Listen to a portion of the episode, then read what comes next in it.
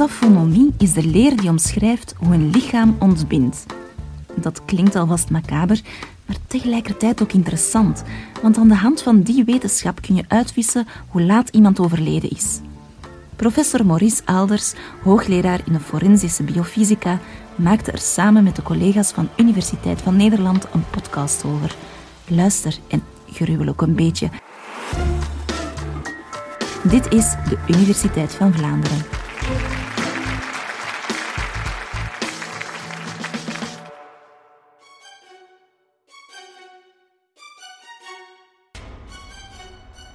Het was uh, maart 2010. Toen werd er in een auto een, het lichaam van een vrouw aangetroffen.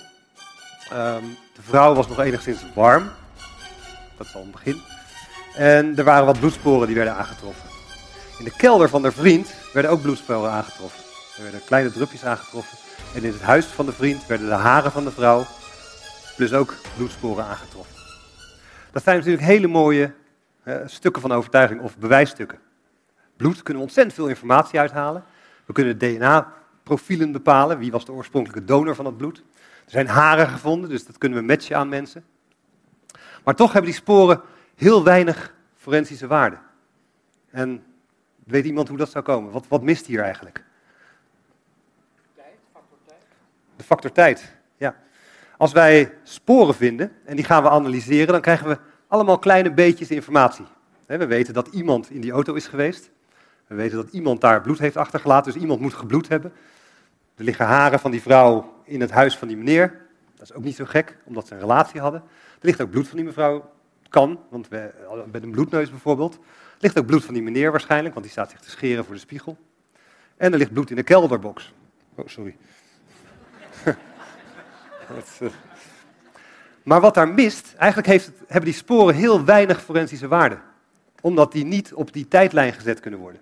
Dus als ik een bloedspatter aantref ergens, dan kan ik daar ontzettend veel uithalen. Maar als ik dat niet kan relateren aan het delict, of als ik ook niet weet wanneer dat delict gebeurd is, dan kan ik daar heel weinig uithalen. De verdachte zal dan altijd zeggen, natuurlijk is dat mijn bloed, want ik had een bloedneus op dat moment.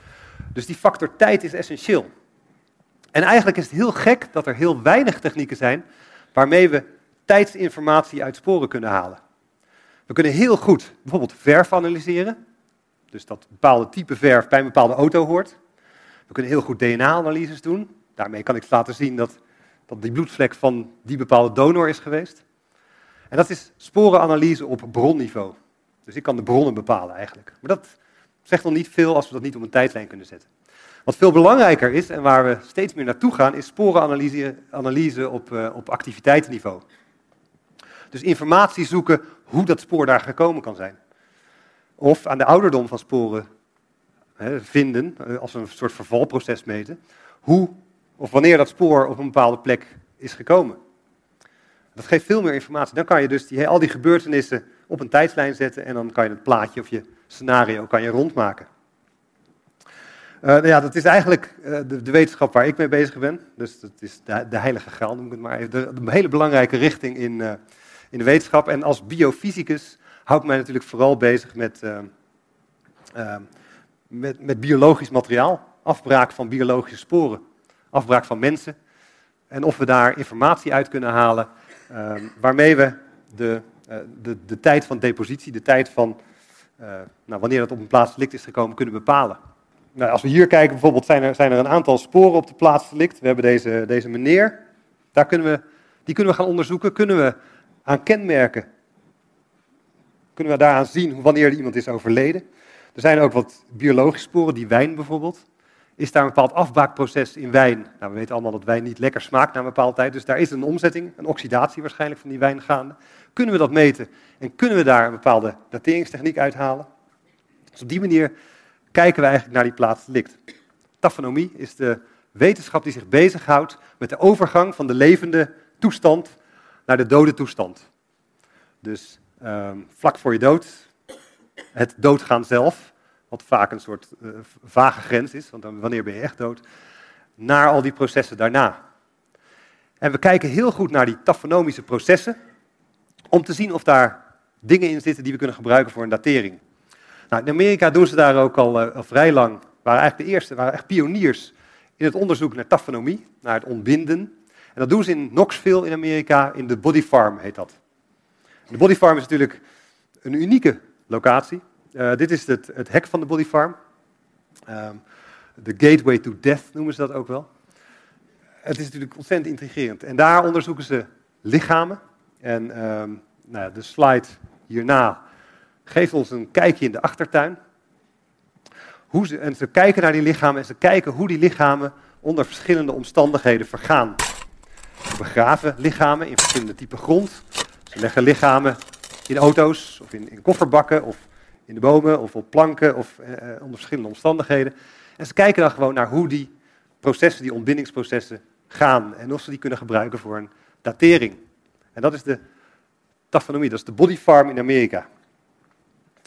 Um, nou ja, eigenlijk is de, de, de vraag dan, welke fase lopen we af? Dus ik, ga, ik neem jullie mee in ontbinden van lichamen. Welke fasen zijn er? Nou, als eerste worden we een beetje bleek. Dat is de microcirculatie, het bloed trekt wat weg uit onze, uit onze huid, dus we worden bleek. Dat is de pallor mortis fase. Wat, is er nog meer, wat, wat verandert er nog meer en wat we kunnen gebruiken voor een, tijd, voor een datering? Dus, dus de temperatuur is een, uh, is een hele belangrijke, ja. Nou, temperatuur is iets wat eigenlijk het meest wordt gebruikt om het tijdstip van overlijden te bepalen.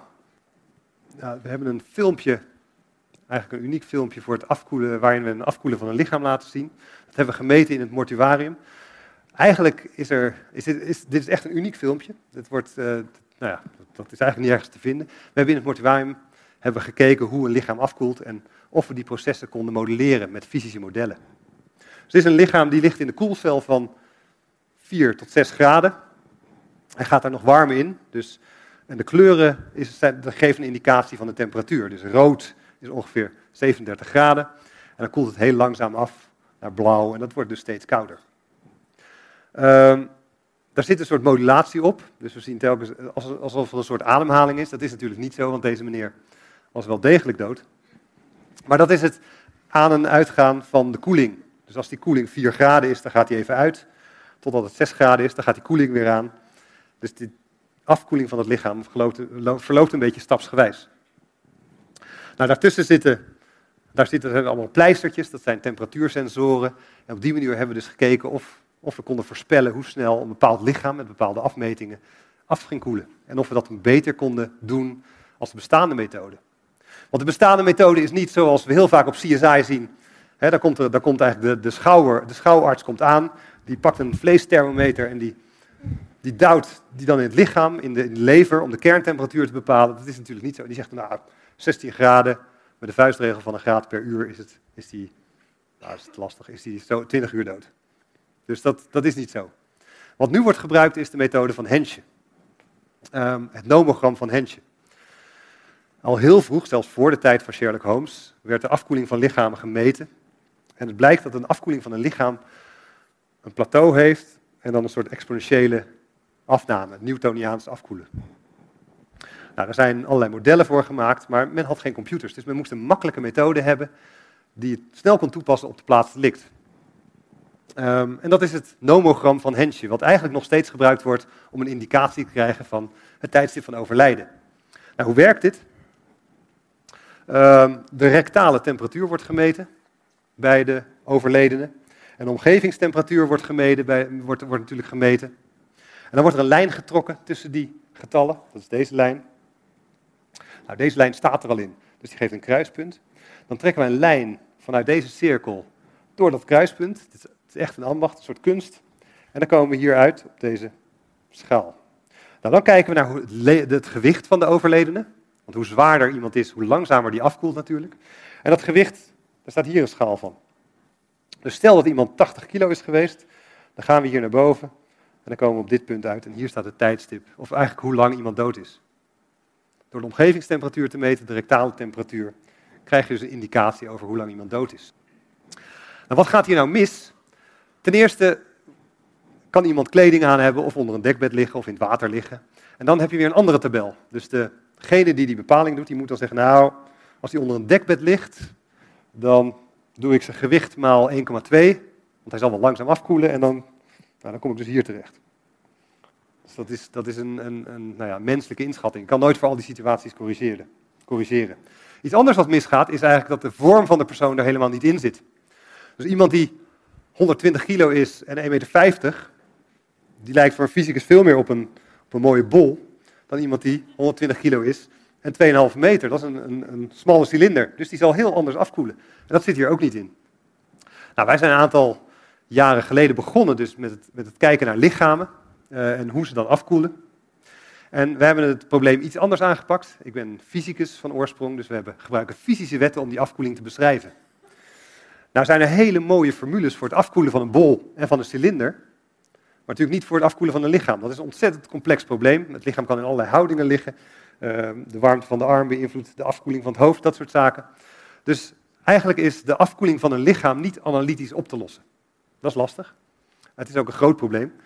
Dus wij, wat wij dan doen typisch, is wij breken dat grote probleem helemaal af. En we maken er heel veel kleine probleempjes van die we wel kunnen oplossen. Dus dat hele complexe lichaam, dat, dat maken we hele kleine blokjes van. Volume-elementjes. En dan gaan we kijken. Hè, dus, nou ja, sommige volume-elementjes zeggen we nou dat is weefsel van die temperatuur. Sommige volume-elementjes wat ernaast ligt is bijvoorbeeld lucht van die temperatuur. En dan kijken we naar hoe goed dit elementje warmte uitwisselt met dat elementje. Dus wat we doen, we maken een, een, een 3D-schets van een plaatsdelict. Dat delen we helemaal op in hele kleine volume-elementjes, waarvan we de thermische eigenschappen kennen en de temperatuur. En dan gaan we zeggen, nou, over één seconde, wat zal de temperatuur van die blokjes dan worden? Dus dan pakken we het eerste blokje, zeggen, nou, die wisselt zoveel uit, warmte uit met zijn buurblokjes. Dan gaan we naar het tweede blokje. Op die manier kan je dus een hele complexe situatie, inclusief grond en voorwerpen eromheen, kan je dus laten afkoelen. Dan ga je een seconde verder en dan nog een seconde verder en nog een seconde. En op die manier kan je dus een, uh, dat noemen we finite element modeling of finite difference modeling. Dus op die manier hebben we een model gemaakt waar we dat allemaal kunnen doen. Nou, dat is een, uh, een voorbeeld van, van de nieuwe technieken. We hebben natuurlijk supercomputers, dat was toen nog niet zo. En nu kunnen we dus die eindeloze rekenpartijen in een relatief korte tijd doen. Dus dat is temperatuur meten. En wat komt er na de temperatuur? Uh, daar hebben we ook een slide van. Dat is al, ook al eerder genoemd. Daar komen de lijkvlekken. Dus het bloed zakt naar beneden door de zwaartekracht. En vaak zie je dan al uh, de voorwerpen waar zo'n lichaam op heeft gelegen. Of je ziet al de houding waarin zo'n lichaam lag. En dat is de, eigenlijk de, een van de eerste fasen die gaan komen. De livor mortis. En dat, dat zet in ongeveer 20 tot, tot 2 uur na de dood. Uh, en dan is de schatting, en dat hangt natuurlijk heel erg af van afmetingen van het lichaam en de temperatuur bijvoorbeeld, dat na een uur of tien vaststaat. Dus dan zijn die rode vlekken niet meer te verplaatsen. Dus als een lichaam ergens in die tijd heeft gelegen, dan zie je precies de afdruk van allerlei vouwen en dingen in de grond. Als die dan verplaatst wordt, dan blijf je die afdrukken zien. Dus op die manier kan je zien of een lichaam verplaatst is. Maar dat die liever mortis, die, die lijkvlekken, die, wanneer die ontstaan, dat hangt heel erg af van de temperatuur van de samenstelling van een lichaam. Het is niet goed te gebruiken voor uh, een, een tijdstip van overlijdenbepaling. Nou, de, vorige, de volgende is eigenlijk de, de rigor mortis. En daar ziet u ook een voorbeeld van. Een lichaam wat in een, in een houding is blijven steken. Uh, dat begint een beetje drie tot vier uur na het overlijden. Ook weer afhankelijk van de temperatuur van de omgeving. Uh, dan heb je uh, volledige rigor. Dus echt een enorme lijkstijfheid. Ongeveer 12 uur is, is een vuistregel. Maar ook dat hangt natuurlijk van een hoop omstandigheden af. En na ongeveer 36 ehm, uur wordt zo'n lichaam weer, weer, weer slap. Dus dat geeft een bepaalde indicatie van een, van een tijdstip van overlijden.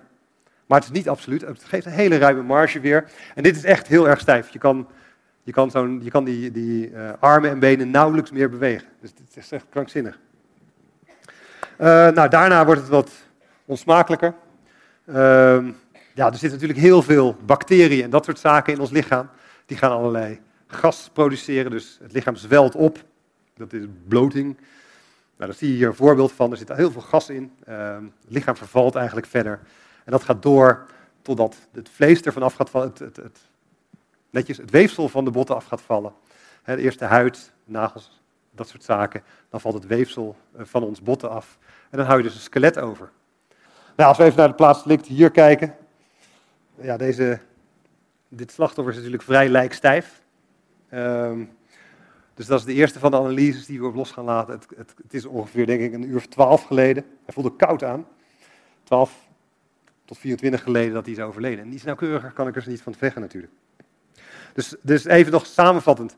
Tijdsbepaling en het analyseren van sporen op activiteitsniveau, dat is nu de heilige graal en een hele belangrijke onderzoeksrichting uh, die we hebben in het, uh, in het forensisch onderzoek. Um, dat zal ook steeds nauwkeuriger kunnen. We gaan ook naar het verval kijken, bijvoorbeeld van allerlei eiwitten in de hersens. Dat is een mooi afgesloten ruimte. En dat die, die eiwitten die vervallen ook op een bepaalde manier. Daar zijn we nu allemaal aan het meten hoe, die, hoe dat gaat. Dus we komen met steeds meer manieren om dat tijdstip van overlijden beter te schatten. Uh, en dat is ook nu de heilige graal.